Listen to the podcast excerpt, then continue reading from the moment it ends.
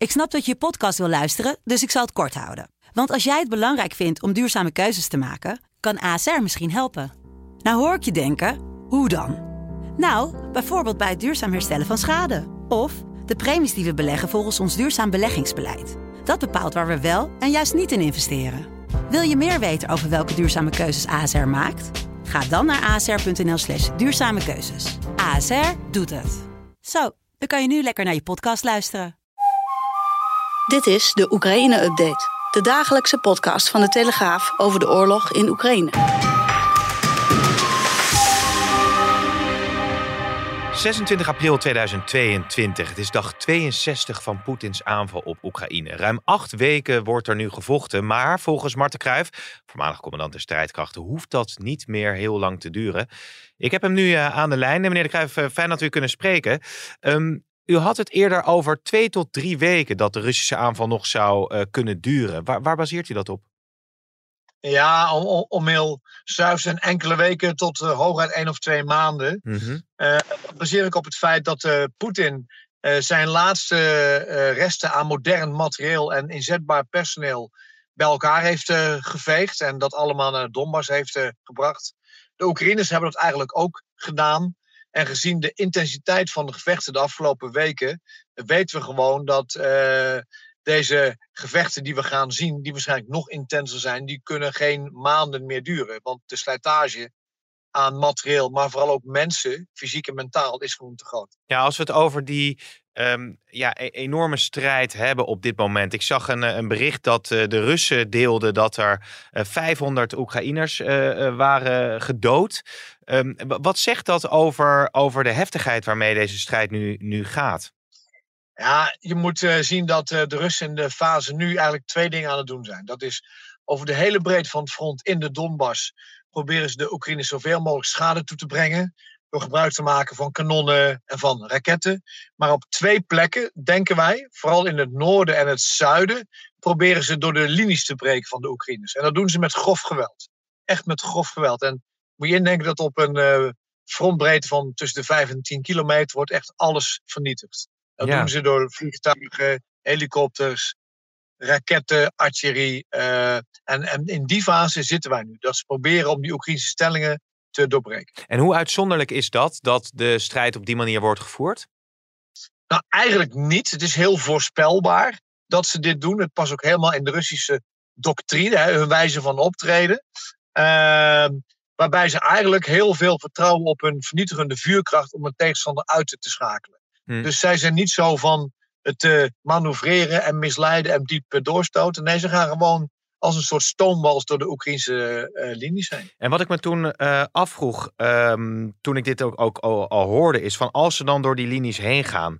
Uh, en, en je hebt zeg maar op een gegeven moment ben je uitgeput met je mankracht en met je materieel. Dat Oekraïne is zo'n groot land, hè? Kunnen ze dan hun posities wel behouden? Ja, dat wordt de beslissende fase. Hè. De Oekraïners weten dat. Die weten dat ergens doorbraken zullen komen. Die hebben de verdediging voorbereid ook om die in de diepte te voeren. Om de Russische troepen vanaf elk dorp aan te vallen. En zowel uh, frontaal als via de zijkanten. Uh, ze, Oekraïne is ook staat om tegenaanvallen uit te voeren met de tanks die zij hebben. Dus de vraag is in hoeverre, als die doorbraak überhaupt komt, zijn de Russen in staat om diep door te stoten om uiteindelijk die Oekraïnse troepen te omsingelen. En dat is de beslissende fase voor het gevecht om de Donbass. En dat gaan we pas echt eh, de komende dagen en weken zien. Ja. Nu is de fase dat de Russen proberen door te breken.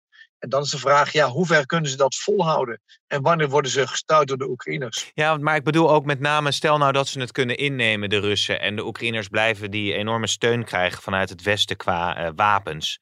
Um, want dat is eigenlijk ook een, een bericht wat ik uh, vanochtend zag over een tegenoffensief, over een aanval van Oekraïne richting Rusland. Is dat reëel? Dat dat, dat dan meer gaat gebeuren? Nee, dat laatste niet. Hooguit dat ze misschien doelen in Rusland kunnen uitschakelen met lange drachtwapens. Maar ook Oekraïne heeft niet de mankracht om grootschalig offensief op te treden. Mm -hmm. Bovendien moet je goed uh, beseffen dat de verdediger heeft altijd een voordeel. Hè? Die kan het trein uitkiezen waar hij gaat vechten. Uh, die kan het terrein zo conditioneren met mijnen en andere dingen dat je de tegenstander dwingt om bepaalde routes te gaan volgen. Als de Oekraïners gaan aanvallen in plaats van uh, verdedigen, dan verliezen ze dat voordeel. Okay. Maar ze zullen wel degelijk waar de Russen doorbreken, verrassend tegenaanvallen doen met hun tanks. Dat is vooral plaatselijk tegen die doorbraken. Dat gaan ze wel degelijk doen. Maar grootschalig offensief optreden van de Oekraïners buiten de Donbass, dat geldt overigens ook voor de Russen hoor. Dat zie je de komende weken niet gebeuren. Alles gebeurt in de Donbass. En als het, en als het gaat over uh, bijvoorbeeld wel met uh, lange afstandsraketten, uh, nou bijvoorbeeld plaatsen in, in, in, in Rusland aanvallen? Ja, dan denk ik niet dat ze plaatsen aanvallen, maar. Of, of doelen. Installaties die cruciaal zijn voor de Russische oorlogvoering. Maar ja, Rusland is zo groot en heeft natuurlijk zoveel installaties dat het moeilijk is om het allemaal uit te gaan schakelen. Dus ik denk echt dat wat we nu gaan zien, is natuurlijk zullen ze allebei weer op grote afstand belangrijke doelen van elkaar uitschakelen. Maar het echte gevecht uh, vindt eigenlijk nu, begint zich nu te ontwikkelen in de Donbass. Um, dan is er nog een opmerkelijke uitspraak ook geweest, hè? of een opmerkelijke uitspraak. Uh, Scholz heeft dat eerder ook al uh, gezegd, de Duitse bondskanselier. Maar ehm, de Rusland, buitenlandminister Lavrov, die, die sprak over de dreiging van een derde wereldoorlog. Um, ja, hoe, ja. hoe moeten we dat duiden? Ja, dat doen ze eigenlijk sinds dat Duitsland in de eerste week van de oorlog heeft gezegd wij gaan uh, eh, 100 miljard investeren in defensie en 2% van ons bruto nationaal product in uh, defensie structureel. Uh, toen kwam eigenlijk Poetin met een eerste verkapte dreiging over het gebruik van de kernwapens. En dat is vrij consistent zo gebleven. dat doen ze om natuurlijk heel duidelijk aan te geven dat de inmenging van het Westen grenzen heeft. Nou, Dat weten we ook, want de NAVO gaat op zich niet offensief optreden. Maar ik schakel dit meer onder het kopje retoriek dan echt serieuze dreiging. Want ook Lavrov weet dat als, de, als Rusland in wat voor opzicht kernwapens zou inzetten, dat dan de escalatie enorm kan zijn. En dat met name China en India hier helemaal niet van uh, gediend zullen zijn. Terwijl Rusland toch voor een groot deel afhankelijk is van China. Dus ja. ik zie dat niet zo snel gebeuren. En waar kan uh, Poetin uiteindelijk, uh, nou ja, zeg over een maand, goed mee, mee thuiskomen in, in, in zijn land ja, als boodschap? Ja, nou ja, eigenlijk zou je al thuis kunnen komen. Stel dat Mariupol valt, dan eh, kan hij zeggen: Ik heb de Krim eh, bevrijd en ik heb de corridor tussen Krim en Donbass hersteld. En dat heb ik uh, tegen de hele NAVO in heb ik dat bereikt. En hij kan zelfs nog zeggen dat hij delen van de Donbass extra heeft veroverd. Hè, wat ook feitelijk al zo is natuurlijk, na acht weken. Maar, en daarmee kan hij ongetwijfeld goede sier maken. En de Oekraïne kan zeggen, kijk, we hebben de Russen tegengehouden.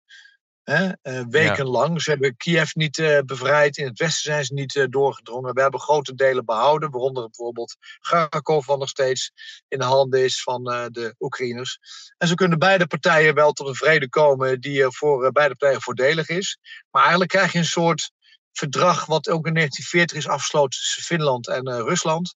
Namelijk dat er delen van Finland toch naar Rusland gingen. Delen van de Donbass zullen nu ook min of meer door Rusland worden geannexeerd. De Oekraïne zal min of meer een neutrale status krijgen. En zeker niet binnenkort gaan toetreden tot de NAVO. En ja, het is maar hoe je dat bekijkt, welke partij er heeft uh, gewonnen. Maar in elk geval zal de Oekraïne een gedeelte van haar grondgebied moeten afstaan, in wat voor vorm dan ook. Ja, dus ik, zie, ik zie geen winnaars in deze oorlog. Nee. Wel in de propagandamachine, maar niet daadwerkelijk. En als het gaat over, uh, stel dat Rusland een, een, een, gedeelte van die Donbass-regio inneemt, uh, dan kan het natuurlijk ook leiden tot, tot jarenlange onrust, die er al is geweest natuurlijk, maar misschien nog wel omvangrijker in die regio. Absoluut, absoluut. We zien nu al dat in de omgeving van uh, Melitopol de Oekraïners soort partisanenacties aan het voorbereiden zijn. En bovendien, ook Poetin betaalt natuurlijk een prijs voor deze vrede, want hij is de risée van de wereld. Hij wordt nergens meer uitgenodigd. De economische sancties wegen door. Finland en Zweden komen waarschijnlijk in de NAVO. Duitsland gaat herbewapenen. Ja, hij vindt een verenigd NAVO tegenover en een verenigde Europese Unie.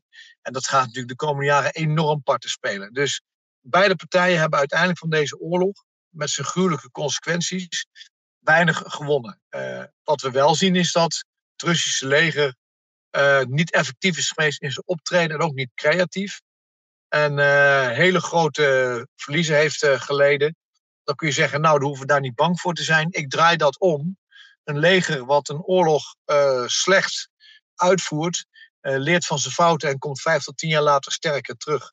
Dus ik zou er als NAVO buitengewoon alert op blijven wat er gaat gebeuren in Rusland de komende tien jaar. Oké, nou dat zijn uh, onheilspellende woorden op het einde in elk geval. Uh, Marten Cruijff, dank voor de uitgebreide toelichting. En uh, ja, heel boeiend wat er de komende periode daar zal gebeuren. Dank u wel. Graag gedaan. Dag. En tot zover deze Oekraïne-update. Op donderdag 28 april vanaf 4 uur weer een nieuwe aflevering. En al het laatste nieuws dat vind je natuurlijk ook op de site en in de app van de Telegraaf. Bedankt voor het luisteren.